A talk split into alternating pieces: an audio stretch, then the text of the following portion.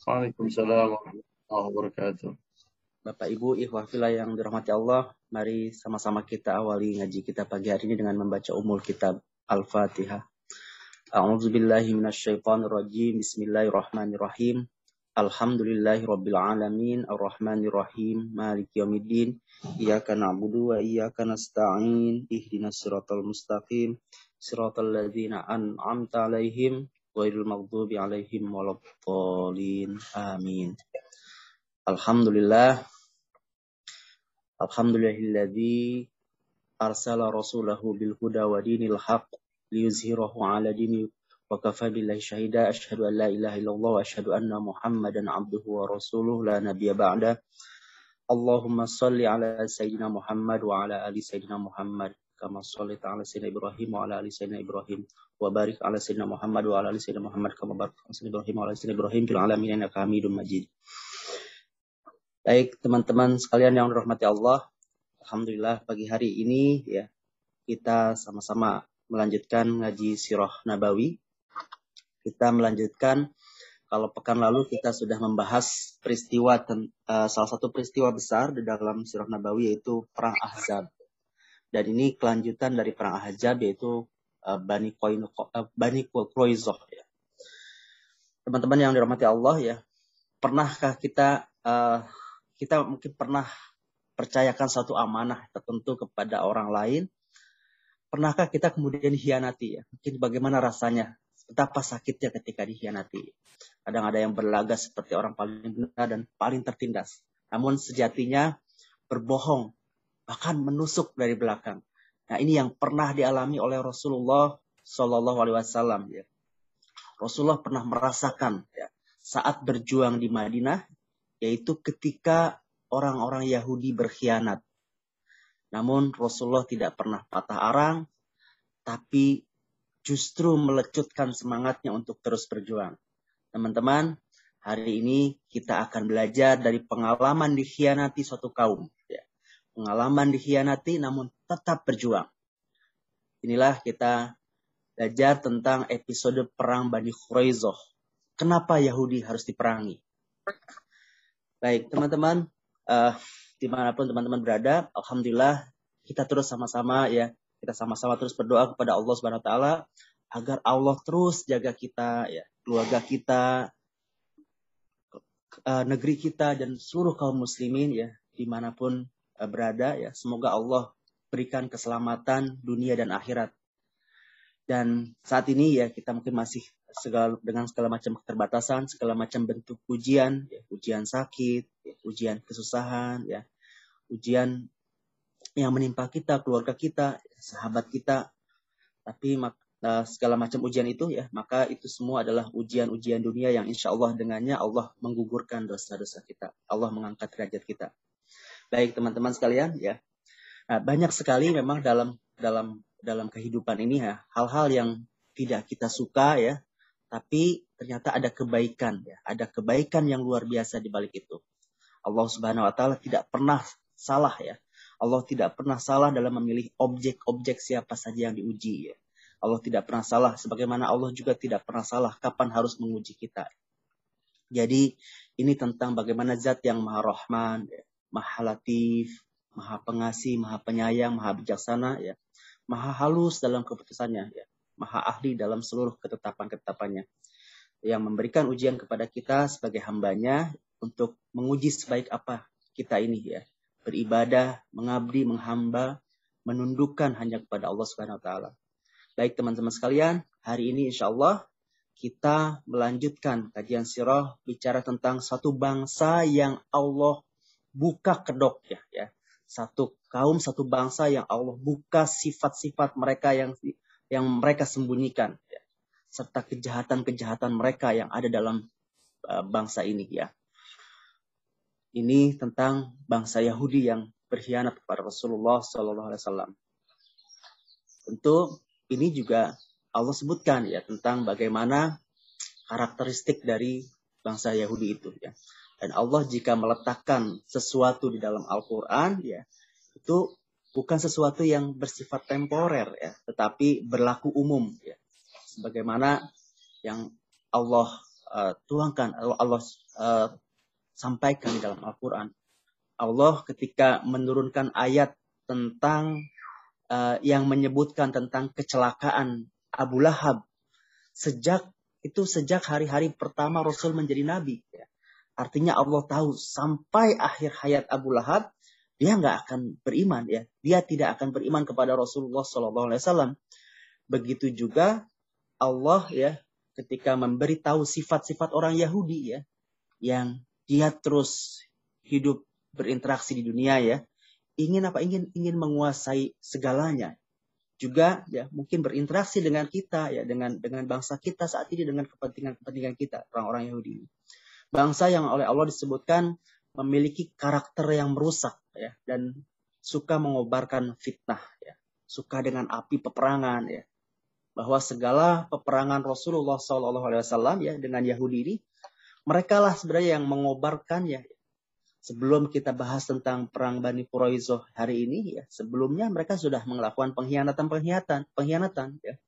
Ketika uh, Rasulullah hendak dilempari apa ditimpakan dengan batu ya oleh Bani Nadir itu begitu ya dan ini karakteristik mereka ya dan uh, setiap kali mereka menyalakan api peperangan Allah yang memadamkannya jadi selalu berkobar peperangan dari sisi orang-orang Yahudi.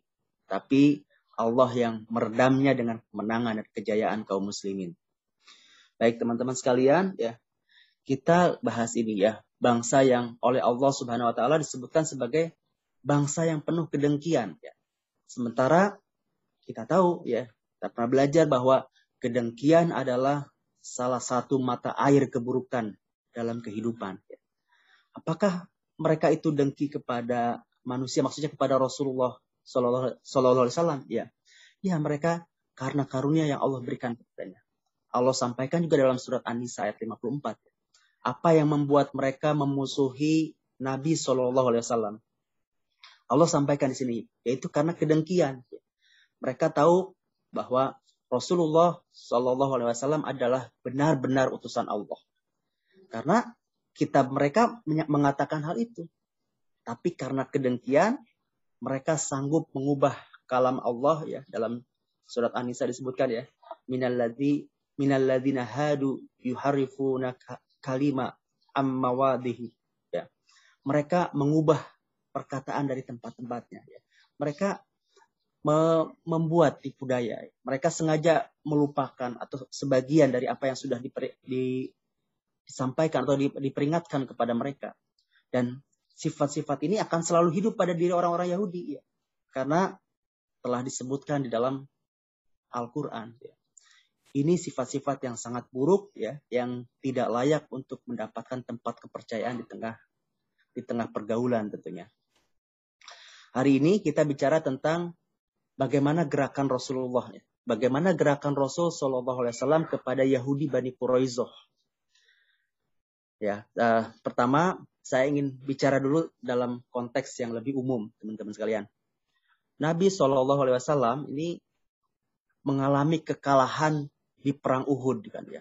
Waktu kekalahan di perang Uhud ya, dan perang Uhud ini luar biasa efeknya bagi Rasul Shallallahu Alaihi Wasallam. Kita bicara pada dua pertemuan sebelumnya, bagaimana Rasul Shallallahu Alaihi Wasallam mengembalikan kembali rasa moral para sahabat ya. Membangkitkan kembali moral para sahabat bahwa mereka adalah orang-orang kuat. Bersama bersama mereka ada Allah ya. Bersama bersama Allah dan harus selalu mereka punya harapan. Rasul ingin bangkitkan itu para sahabat ketika pulang dari perang Uhud. Kita bahas dalam dua pertemuan sebelumnya. Tapi Nabi ingin juga punya gerakan yang bisa dilihat oleh musuh-musuh ya bagaimana musuh-musuh melihat gerakan kaum muslimin bahwa kita adalah orang-orang yang kuat ya itu yang ingin ditunjukkan kita adalah orang-orang yang kuat yang disegani ya nah ketika terjadi perang ahzab ya perang kondak atau perang ahzab maka ini jadi momentum sebenarnya ini kembali tinggilah moral para sahabat ya karena melihat bagaimana kekalahan orang-orang Quraisy ya bersama sekutunya Bani Gotofan. Kemarin kita bahas 10 ribu orang itu ya. serta kabilah-kabilah lain yang ikut bersekutu dengan Quraisy ditambah plus pengkhianatan Bani Quraizoh di bagian tenggara Madinah. Maka Rasulullah Shallallahu Alaihi Wasallam benar-benar memanfaatkan, mengeksploitasi kemenangan di Ahzab ini, ya, menjadi momentum yang digunakan maksimal. Ya. Jadi gerakan-gerakan Rasulullah pasca perang Ahzab atau pasca perang Hondak ini sangat-sangat strategis. Ini memperlihatkan uh, kepada kita ya betapa cakapnya Nabi memimpin pada masa damai dan betapa cakapnya Nabi memimpin pada masa krisis dan peperangan. Jadi ada dua hal besar teman-teman ya yang dilakukan oleh Rasul Shallallahu Alaihi Wasallam pasca perang ah-, Ahzab. Yang pertama ya bertindak atas dasar betapa pentingnya memberi pelajaran bagi pihak-pihak mana pun yang telah mengambil keuntungan dari kekalahan kaum muslimin ya. Jadi ngasih pesan ini ya eh, memberikan pelajaran kepada siapa pun yang telah mengambil keuntungan dari kekalahan kaum muslimin pada peristiwa perang Uhud ya. Karena kan setelah perang Uhud itu orang-orang yang tadinya diam jadi berani kepada kaum muslimin ya. Ada yang mengambil keuntungan dari kekalahan kaum muslimin di perang Uhud. Jadi kenapa banyak suku-suku di sekitar Madinah yang ikut bergabung dengan Quraisy pada peristiwa perang Ahzab itu. Karena mereka melihat, oh ternyata kaum muslimin ternyata dapat dikalahkan dalam peristiwa Uhud. Jadi itu juga yang apa namanya melecut faktor orang-orang sekutu apa orang-orang dari kabilah sekitar Madinah bergabung dengan Quraisy untuk memerangi kaum muslimin dalam perang Ahzab. Ya. Maka begitu kaum muslimin memperoleh kemenangan di Ahzab, Nabi harus benar-benar mengkapitalisasi atau me, me, me, me, memanfaatkan ini, mengkapitalisasi keadaan bahwa kalian nggak bisa mengambil keuntungan dari kekalahan kita di Uhud, gitu ya. Kalian tidak boleh, kalian tidak bisa mengambil keuntungan dari kekalahan kaum muslimin di perang Uhud. Inilah kekuatan ya Inilah kekuatan kaum muslimin yang sebenarnya. Itu yang ingin tunjukkan ya. Dan itu mesti ditunjukkan kepada musuh ya. Yang kedua, yang kedua adalah Nabi memberi pelajaran kepada pengkhianat. Kepada pengkhianat yang paling mencolok yang membuat kaum muslimin sangat panik waktu itu. Kaum muslimin sangat ketakutan, sangat panik, sangat terpukul karena pengkhianatan itu. Nabi dengan gerakannya itu mengajarkan kita untuk hari ini ya, kita harus melihat kemenangan itu sebagai rizki dari Allah Subhanahu wa taala tentunya ya bukan hasil usaha kita ya bukan karena kepintaran kita bukan karena kehebatan kita tapi itu adalah anugerah dari Allah Subhanahu wa taala. Nah kalau dia itu anugerah itu adalah pemberian dari Allah maka dia harus dimanfaatkan dengan baik. Nah, Nabi memanfaatkannya untuk kepentingan Islam. Nah, apa dan bagaimana caranya? Ya tadi kita bahas ya ada dua ada dua hal besar yang dilakukan oleh Nabi ya. Pertama bertindak kepada orang-orang yang memanfaatkan kepentingan pada pasca Uhud karena kekalahan kaum muslimin. Yang kedua memberikan pelajaran kepada pengkhianat. Nah ini kemudian disyukuri dan dimanfaatkan dengan, baik untuk kepentingan Islam. Apa caranya ya?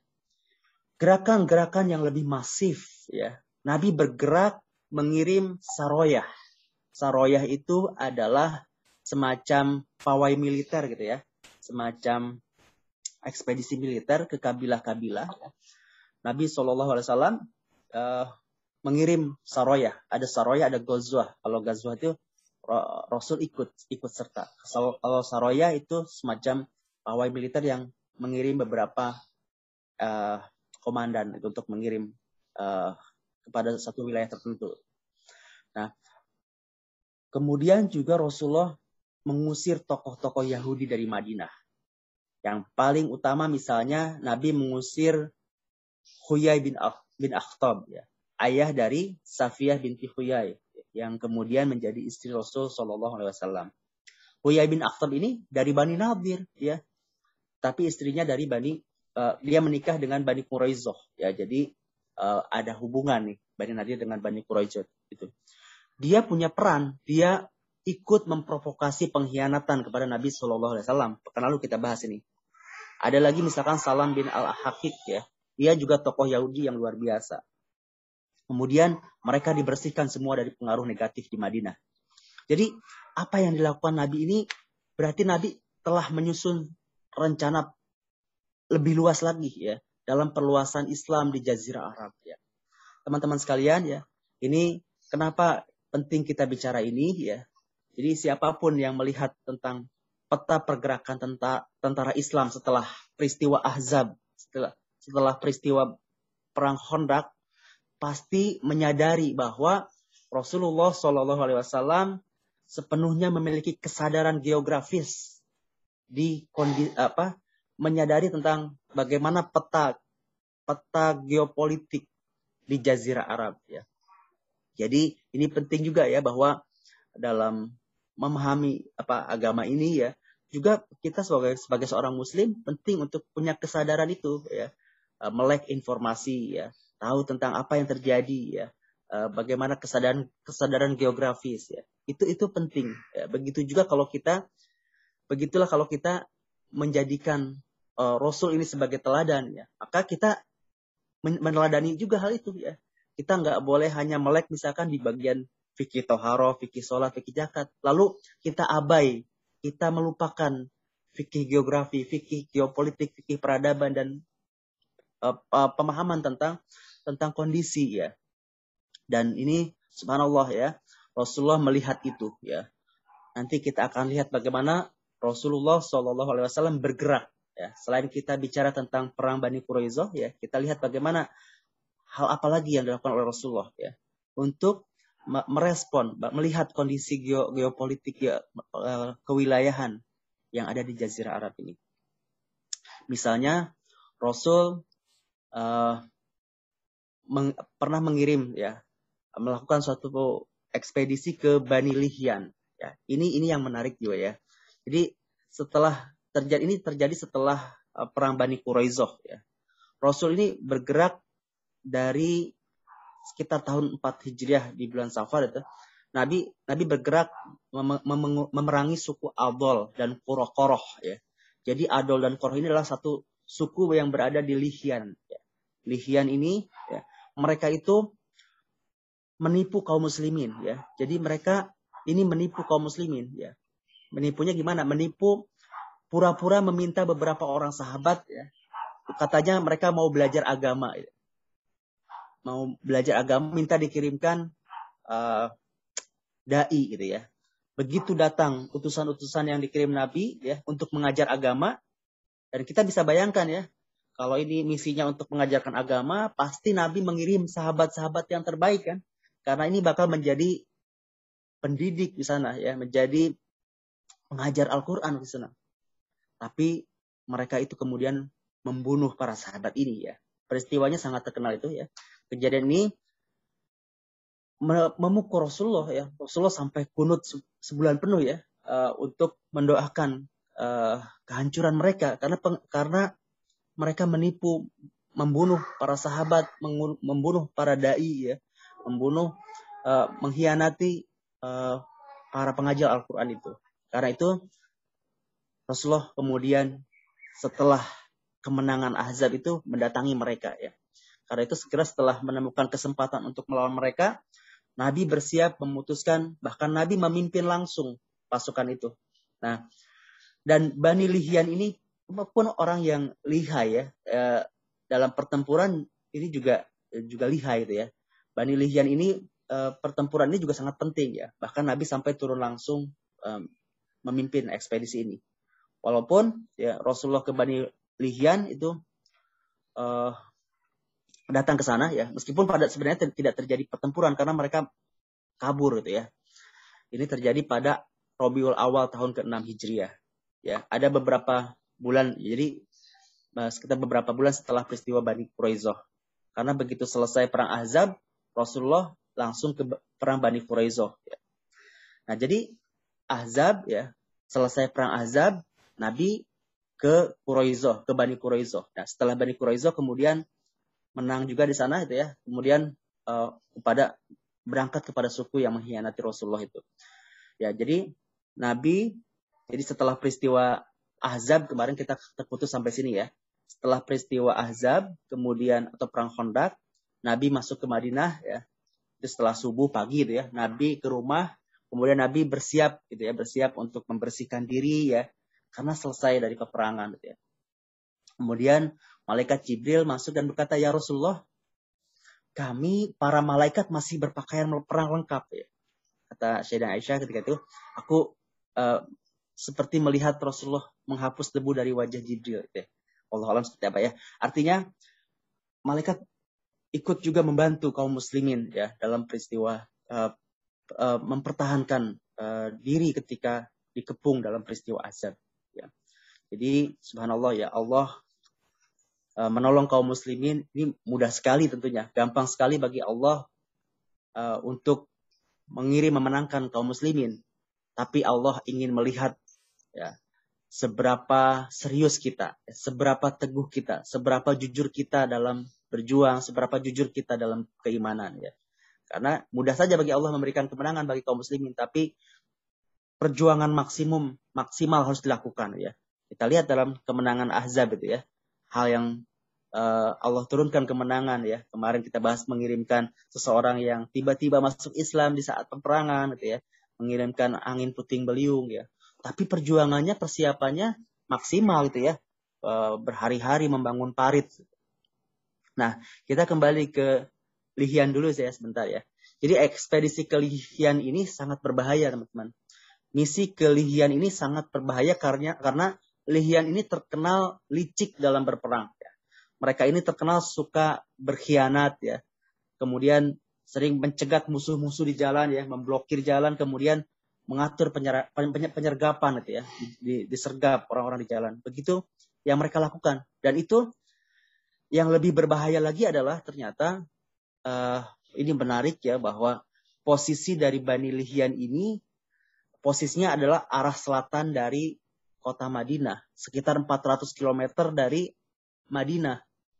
Jadi kalau kita lihat peta ya teman-teman, arah selatan dari dari Madinah berarti dekat ke kota apa? Dekat ke kota Mekah kan. Artinya dekat sekali dengan Mekah. Sekitar 90 km atau tidak sampai 100 km jaraknya Bani Lihian dengan kota Mekah. Dengan orang-orang Quraisy di sana. Subhanallah ya.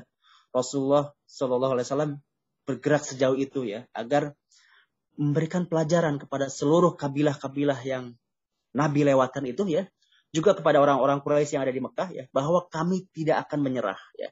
Bahwa kami tetap berjuang secara total apa pun keadaannya. Ini kurang lebih pesan Rasulullah ya dengan melakukan uh, ekspedisi ke Bani Lihian itu ya. Bahan letaknya juga dekat dengan Mekah ya. Sekarang kita kembali ke Bani Quraisyah jadi uh, ketika bulan Zulhijjah tahun kelima itu ya uh, tahun kelima Nabi membersihkan dirinya ya Jibril, Jibril bertanya, engkau sudah meletakkan senjata ya? Engkau sudah menjatan, meletakkan senjata ya Rasulullah. Kami para malaikat masih dengan senjata lengkap ya. Kalian sekarang keluar. Ajak umatmu keluar. Jadi malaikat Jibril memberikan uh, perintah ar, uh, apa arahan ya. Jangan letakkan senjata dulu ya. Kalian harus keluar ya. Ke mana kata Nabi ya? Kita memerangi siapa ya? Jadi setelah perang Ahzab ini memerangi siapa lagi gitu harus uh, harus ke mana itu ya. Kemudian malaikat Jibril menunjuk ke arah tenggara Madinah ya. Ke arah sana ya. Ke sana ya ke arah tenggara Madinah ya. Ini menunjuk ke arah Bani Quraizoh ya. Jadi ke arah tenggara Madinah itu adalah tempat di mana Yahudi Bani Quraizoh maka Nabi kemudian berangkat ke Bani Quraizoh teman-teman sekalian ya ini ada kejadian ya yang ingin saya sampaikan sebagai tambahan pengetahuan ya untuk kita untuk bagaimana cara kita bersikap uh, terhadap referensi syariat ya terhadap nas ya. Jadi Rasul ketika keluar rumah ya memberitahukan kepada para sahabat ya untuk segera pergi ke Bani Quraizoh dan harus langsung bergerak gitu kan. Nabi menggunakan kata-kata yang indah sekali ya. Jadi pesan Nabi kepada para sahabat itu, janganlah kalian sholat asar kecuali di Bani Quraizoh. Janganlah kalian sholat asar kecuali di Bani Quraizoh. Jadi ada kalimat itu. Kalimat jangan kalian sholat asar kecuali di Bani, Quraizoh. Jadi kalau kita me, mendengar instruksi ini ya, uh, apa yang teman-teman sekalian bisa pahami gitu ya. Ini kan berarti kaum muslimin harus segera ke Bani Quraizoh kan pesannya seperti itu.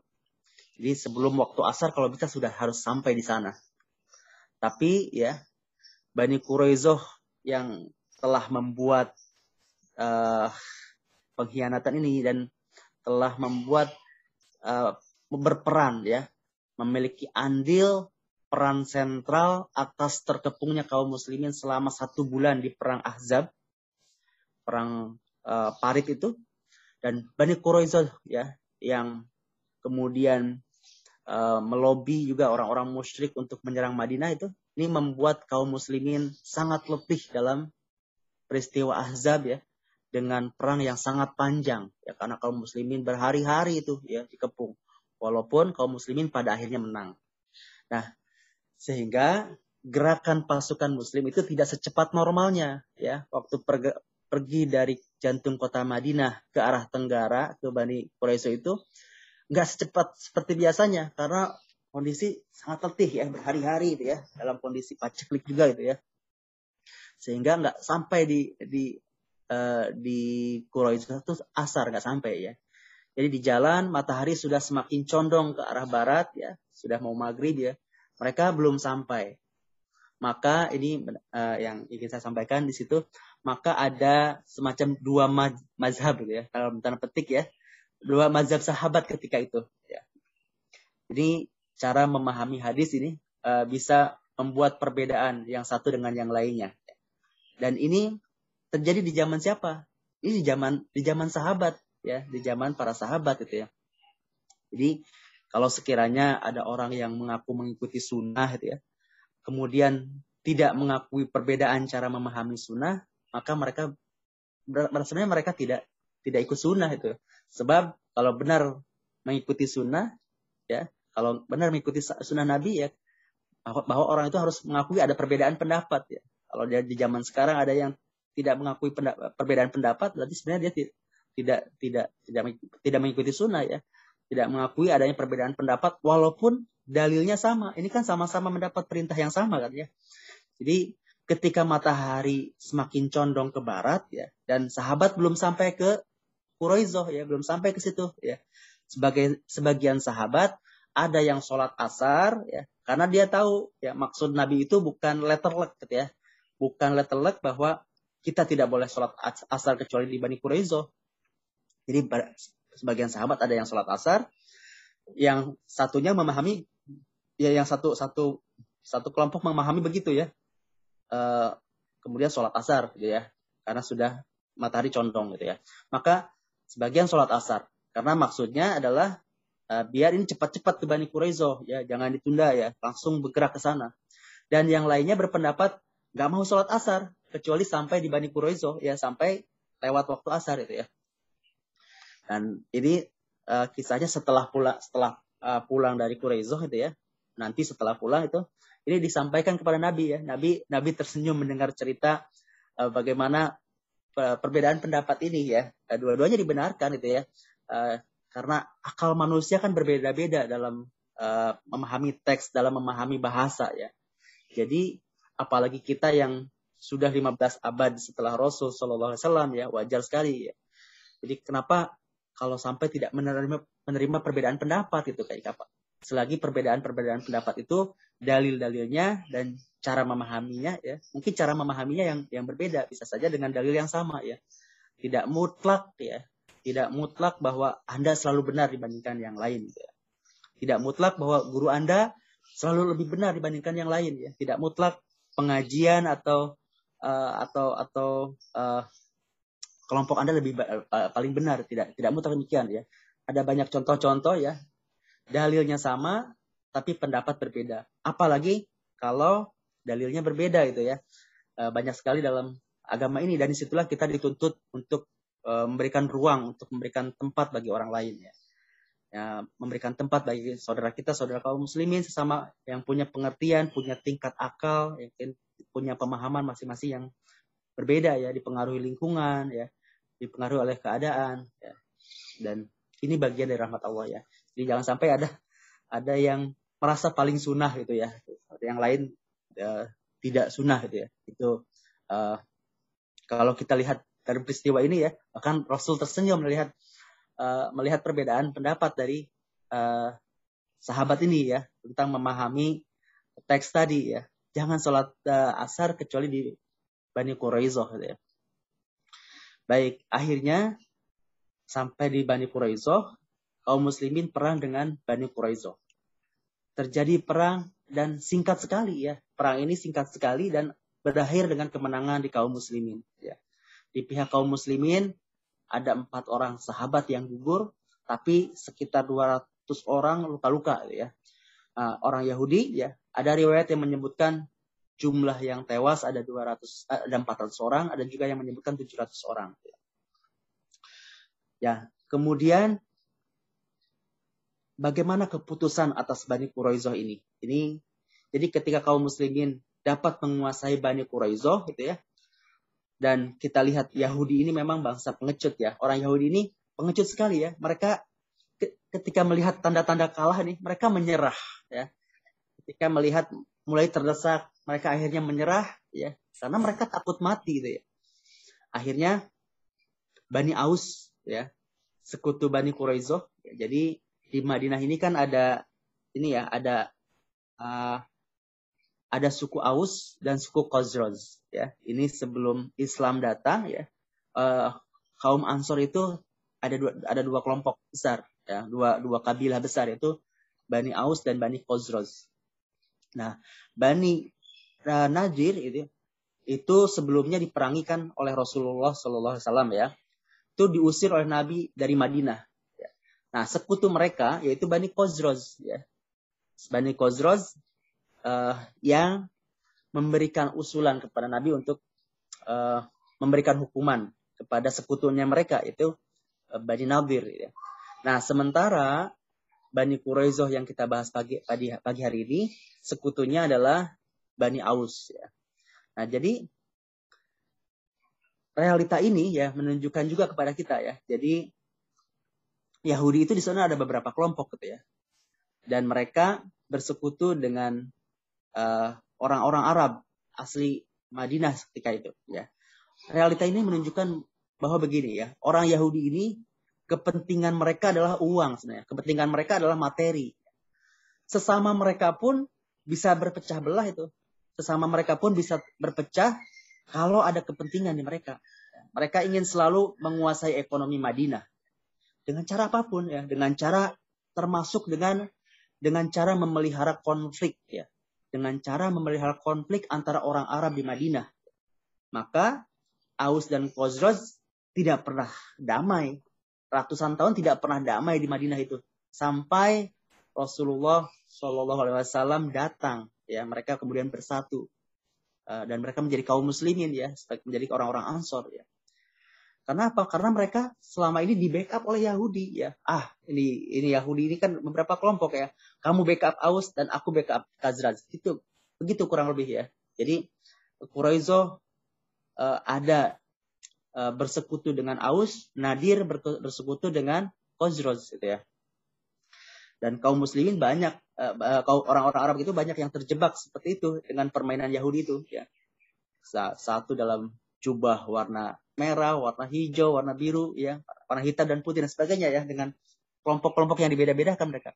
Namun mereka tetap satu ya, milah wahidah ya, satu tujuan, satu milah, satu keyakinan ya, satu uh, kepentingan mereka. Ya.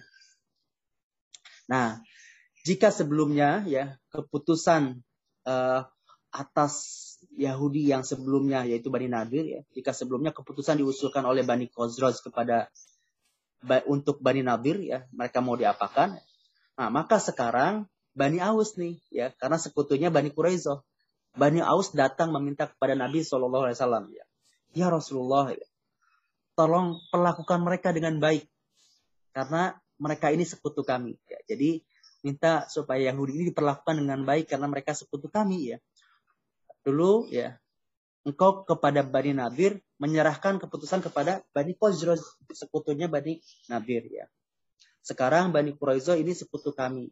Tolong ya Rasulullah perlakukan mereka dengan baik ya. Padahal mereka Bani Quraizoh ini kan sudah berkhianat ya dan membuat Madinah dalam keadaan di ujung tanduk ya dalam peristiwa uh, perang Ahzab itu gitu ya.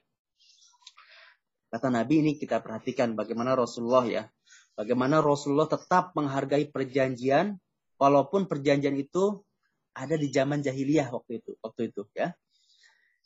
Jadi Yahudi ini diperangi ya. Bani Quraizo ini diperangi karena tidak menepati perjanjian ya. Karena tidak menepati konsensus bersama dalam piagam Madinah. Mereka berkhianat. Ya. Jadi faktor kenapa Yahudi ini diperangi ya. Karena pertama karena mereka berkhianat kepada negara. Ya, berkhianat kepada negara Madinah. Kemudian uh, dia bersekutu dengan musuh ya, membocorkan rahasia-rahasia ya, bersekutu dengan musuh. Dan yang ketiga, Nabi ingin memberikan pelajaran, ya, memberikan pelajaran kepada yang lain, ya, tentang resiko kalau mereka mengkhianati piagam Madinah. Bagaimana pelajaran memberikan pelajaran agar stabilitas di dalam Madinah ini bisa terjaga sampai waktu-waktu yang akan datang. Tiga hal ini ya. Karena mereka berkhianat ya, karena mereka bersekongkol dengan musuh. Yang ketiga, ingin memberikan pelajaran kepada yang lain. Ya. Jangan berkhianat gitu ya. Tapi Nabi Shallallahu Alaihi Wasallam ketika tahu bahwa ada kontrak sosial, perjanjian persekutuan antara Bani Aus dengan Bani Quraizo, Nabi serahkan ya. Nabi serahkan. Baik kalau begitu ya. Jadi gimana kalau kita serahkan ke pemimpin kalian? Jadi karena Aus juga kita uh, Nabi menghargai uh, bagaimana uh, kontrak sosial antara Aus dengan Yahudi Bani Quraiza ini, maka Rasulullah serahkan urusan ini gitu ya. Baik uh, kita berikan keputusannya kepada Sa'ad bin Muaz kata Nabi Shallallahu Alaihi Wasallam ya. Kenapa kepada Sa'ad bin Muaz? Karena Sa'ad bin Muaz adalah pemimpin dari Bani Aus ya. Kata orang-orang, baik ya Rasulullah, kami setuju ya. Dan mereka menyetujuinya gitu ya. Masalahnya Sa'ad bin Mu'az ini nggak ada di di tempat itu ya. Jadi Sa'ad bin Mu'az terluka parah di Madinah ya waktu peristiwa perang Hondak ya kena panah itu ya salah satu urat uratnya kena panah itu ya dan itu mengeluarkan darah yang banyak ya dan dia terluka sakit ya dia berdoa untuk dapat syahid ya. Tapi beliau belum wafat ya lukanya parah sekali. Jadi dia nggak ikut ke Bani Quraizoh dan demi menjalankan perintah Rasulullah ya orang kemudian menjemput Sa'ad bin Mu'ad. Ya, Sa'ad bin Mu'ad ini dijemput dari Madinah dibawa ke Bani Quraizoh bukan bukan jalan yang pendek itu ya dari Madinah ke Tenggara Madinah ya. Lihat ya ini menyenangkan hati orang-orang dari Bani Aus ya ini menyenangkan hati orang-orang Aus ya padahal pemimpin mereka dalam keadaan susah dalam keadaan sakit dan ini juga berpotensi ya akan keluar keputusan yang tidak diinginkan oleh Nabi Shallallahu Alaihi Wasallam. Tapi Nabi tetap menghargai perjanjian. Ya. Orang mukmin itu begitu ya. Aufu bil uqud ya. Kita harus benar-benar setia ya, setia pada perjanjian, pada janji-janji. Ya. Begitupun juga kita gitu ya. Uh, diperintahkan tuh setia kepada janji dalam bisnis ya, janji kepada orang tua kepada pasangan ya. Lebih utama lagi janji kepada Allah Subhanahu wa taala ya. Maka dipanggillah Sa'ad bin Mu'az ini subhanallah ya. Dari Madinah dibawa ke Tenggara Madinah ke Bani Quraizoh apa yang dilakukan oleh Sa'ad bin Mu'az? Saat inilah ya aku ingin menunjukkan bahwa tidak ada kasihan terhadap, terhadap orang yang berkhianat tidak ada belas kasihan kepada orang yang berkhianat kepada Allah dan Rasul kata Sa'ad ya jadi saat yang diangkat yang merupakan pemimpin dari Bani Aus ya dan Yahudi setuju, orang-orang Madinah juga setuju untuk menyerahkan keputusan ini kepada Sa'ad bin Mu'az. Ternyata keputusan Sa'ad adalah bunuh mereka semua ya Rasulullah ya. Keputusan dari ini dari mana? Keputusan dari Sa'ad bin Mu'az, bukan dari Rasulullah Shallallahu alaihi wasallam ya. Dan mereka sendiri yang meminta keputusan atas uh, hukuman mereka diserahkan kepada Bani Aus, kepada pemimpin Bani Aus yaitu Sa'ad bin Mu'az. Maka dibunuh orang-orang Yahudi dalam jumlah yang besar ya. Karena apa tadi? Karena pengkhianatan mereka ya. bahaya betul, ada musuh di dalam selimut, maka mereka semua dibersihkan. Dan ini bentuk dari ketegasan terhadap pengkhianat terhadap negara. Ya. Kalau kita bandingkan apa yang dilakukan oleh Nabi Shallallahu Alaihi Wasallam kepada Bani Hanifah, ini beda lagi ya. Kepada Bani Hanifah itu adalah satu kabilah besar di luar Madinah. Ya. Ini kita akan bandingkan bagaimana uh, kasih sayangnya Rasulullah ya. Ada kejadian, jadi ini juga sama pasca perang Ahzab juga. Jadi seorang pemimpin dari Bani Hanifah namanya Samamah bin Asal. Namanya Samamah bin Asal ya.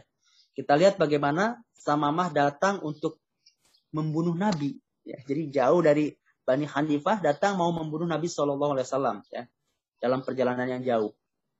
Karena apa? Karena dia dia benci dengan manusia di muka bumi itu kepada Rasulullah ya. Dia yang paling dia benci negeri yang paling dia benci adalah negeri Madinah dan agama yang paling dia benci adalah agama Islam ya. Maka dia datang ya, mau membunuh Nabi Shallallahu Alaihi Wasallam di Madinah. Ya. Tapi dia tertangkap kemudian. Tapi lihat apa yang terjadi. Ya. Bagaimana Rasul memperlakukan Samamah bin Atsal ini. Samamah ingin membunuh Nabi terang-terangan. Ya.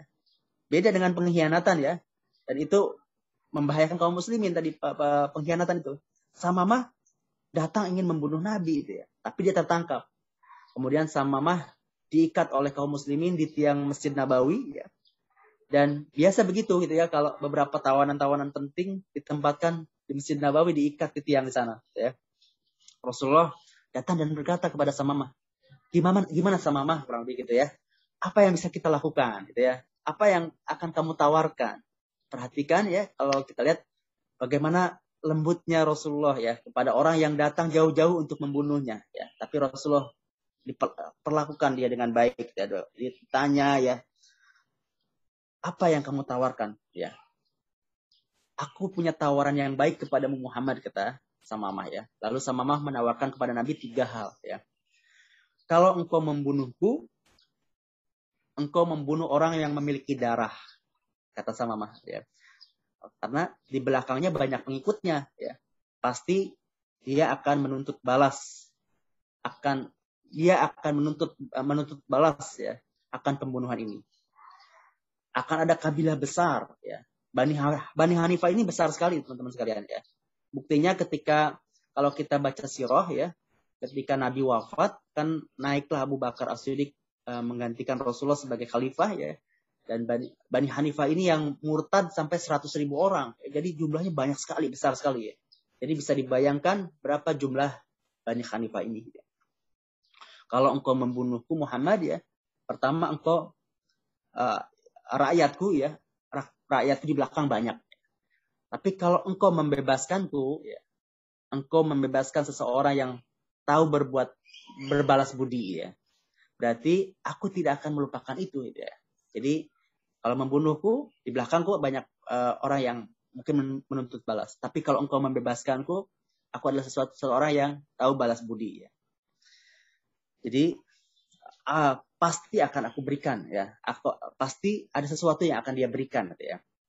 Nah, yang ketiga, uh, bila engkau uh, ingin uh, harta ya Muhammad ya, maka apa pun yang engkau minta aku akan akan berikan. Aku akan uh, jadikan sebagai tebusan. Subhanallah. Artinya kalau Nabi minta tebusan, dia akan bayar. Artinya berapapun tebusan itu dia akan bayar. Nah, Samamah ini karena dia adalah uh, salah seorang yang paling kaya di Jazirah Arab ya. Bukan bukan di kelompoknya ya, bukan di kabilah uh, Bani Hanifah saja tapi di seluruh Jazirah, Jazirah Arab ya. Bayangkan ada percak ada percakapan seperti ini antara Rasulullah dengan Samamah bin, bin Asal tadi. Dan kita membayangkan kondisi di mana percakapan ini terjadi. Pada saat Madinah dalam krisis ekonomi yang paling parah. ya Kalau krisis ekonomi yang yang sulit itu ya banyak orang miskin di Madinah ya. Uh, tiba-tiba Samamah menawarkan itu. Tapi Rasul Shallallahu Alaihi Wasallam uh, menunjukkan kelasnya gitu ya. Nabi ya jadi Nabi ini berjuang bukan untuk dunia uh, bukan semakin banyak memusuhi dia kemudian dia dapat mengalahkan dan dia dapat keuntungan dari situ tidak gitu ya. Untuk apa kita mencari musuh kan? Gitu ya. jangan jangan jangan berhayal jangan berangan-angan berjumpa musuh ya. Kalau bisa semua orang menjadi sahabat. Itu yang diajarkan kan. Ini jangan sampai orang kemudian uh, dia kalau berdakwah kalau nggak punya musuh ya kalau uh, nggak menyerang jamaah lain atau itu kelompok lain ya uh, itu nggak puas. Jangan sampai seperti itu ya. Nabi ketika ditawari itu oleh Samamah gitu ya. Nabi kemudian membiarkan Samamah ya. Kembali ya tetap dia terikat di tiang itu. Tujuannya buat apa? Biar dia melihat bagaimana akhlak-akhlak kaum muslimin itu ya. Samamah diikat dalam masjid ya, ya di dalam masjid Nabawi ya, dan dia melihat kan bagaimana interaksi antara kaum muslimin ya, saling menyapa, saling tersenyum, saling berukhuwah ya antara mereka ya, saling bertanya kabar ya. Bagaimana juga dia melihat hormatnya mereka kepada Nabi ya. Nabi juga kita dia juga melihat bagaimana Nabi cinta dan lembutnya kepada para sahabat ya. Dan sama mama melihat itu gitu ya. Biar dia tahu dan inilah dakwah ya. Nabi biarkan sama mama memperhatikan. Ya. Nabi biarkan sama mama melihat wajah Islam yang sebenarnya. Besoknya Nabi datang lagi, Nabi tanyakan pertanyaan yang serupa, sama mama juga menjawab hal yang sama tadi ya. Nabi biarkan lagi, biarkan sama mama melihat wajah Islam lebih lama. Maka makin banyak kejadian menarik dan dia menyaksikan kaum muslimin seperti apa. Sampai hari ketiga sama mama memberikan jawaban yang sama. Nabi akhirnya berkata ya, uh, engkau aku bebaskan tanpa syarat. Jadi Samamah ini yang datang mau membunuh Nabi, kemudian Nabi bebaskan tanpa syarat. Nabi tidak memilih opsi yang ketiga yang ditawari dengan harta tebusan. Nabi juga tidak dendam dengan memilih opsi yang pertama. Ya. Satu-satunya yang dipegang Nabi bahwa Samamah adalah orang yang tahu balas budi. Samamah adalah orang yang bersyukur. Artinya jaminan. Ini menjadi jaminan bagi Madinah jaminan setidaknya bahwa Bani Hanifah tidak akan menyerang kaum muslimin di Madinah. Subhanallah ya. Negeri, negeri yang fakir ketika itu ya sedang banyak membutuhkan sumber daya, sedang banyak butuh finansial ya. Dan ada kesempatan itu tapi tidak tidak diambil ya, dia uh, tidak memanfaatkan kesempatan itu. Nabi biarkan lepas. Tapi Nabi melepaskan dengan akhlak yang sangat mulia. Tetapi kemudian Samamah tetap saja jadi penasaran. Jadi bertanya-tanya tentang Islam ya. Buktinya begitu dia dilepaskan ya. Dia keluar dari masjid gitu ya. Ke mana dia? Ternyata Samamah nggak langsung pulang ke Bani Hanifah ya. Tidak langsung pulang. Samamah mencari tempat mandi dan mandi di situ. Ya. Kemudian datang ke Nabi. Kemudian ternyata dia bersyahadat memeluk Islam. Subhanallah ya. Ini seorang pemimpin dari Bani Hanifah ya. Lihat bagaimana akhlak baik ternyata berpengaruh bagi keberhasilan dakwah. Dan ini ya berpengaruh bagi kekuatan Islam di Jazirah Arab ya. Karena dengan uh, Islamnya Samamah ini uh, Bani Hanifah ada di pihak kaum muslimin ya. Ini memperlihatkan kepada musuh bagaimana uh, persatuan kekuatan antara Madinah dan Bani Hanifah dan membuat Madinah menjadi naik kelas, menjadi negara yang lebih negara yang besar, negara yang disegani ya. Dan ini terlihat bagaimana Samamah ketika datang ke Quraisy ya. Orang-orang Quraisy nggak berani membunuhnya, ya menangkapnya nggak berani ya. Karena biasanya uh, Bani Hanifah ini kan sebagai eksportir gandum gitu ya. Supplier gandum terbesar di Jazirah Arab ya. Karena negeri-negeri yang lain itu, wilayah yang lain impor gandumnya dari dari Bani Hanifah ya. Samamah pernah menghentikan ekspor gandum ke Quraisy ya. Kami hentikan ya eh, ekspor gandum itu ya. Sampai Rasulullah izinkan ya. Orang Quraisy sampai datang ke Rasulullah ya.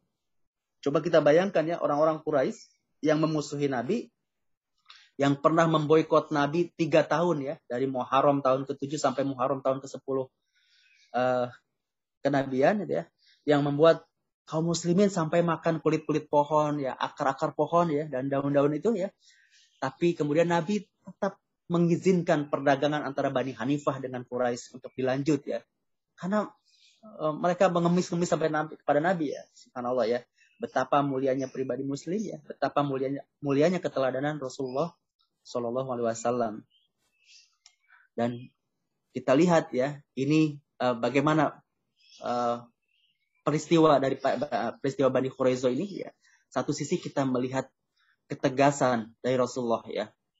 Ketegasan kaum muslimin kepada pengkhianatan ya. Tidak ada uh, hukuman yang paling tegas ya. Diberikan hukuman yang paling tegas kepada pengkhianat ya.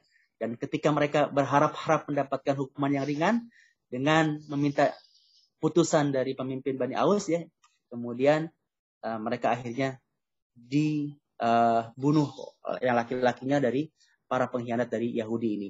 Dan kedua kita belajar juga bagaimana kelembutan Rasulullah ya kepada orang yang mau membunuhnya kepada Samamah itu ya.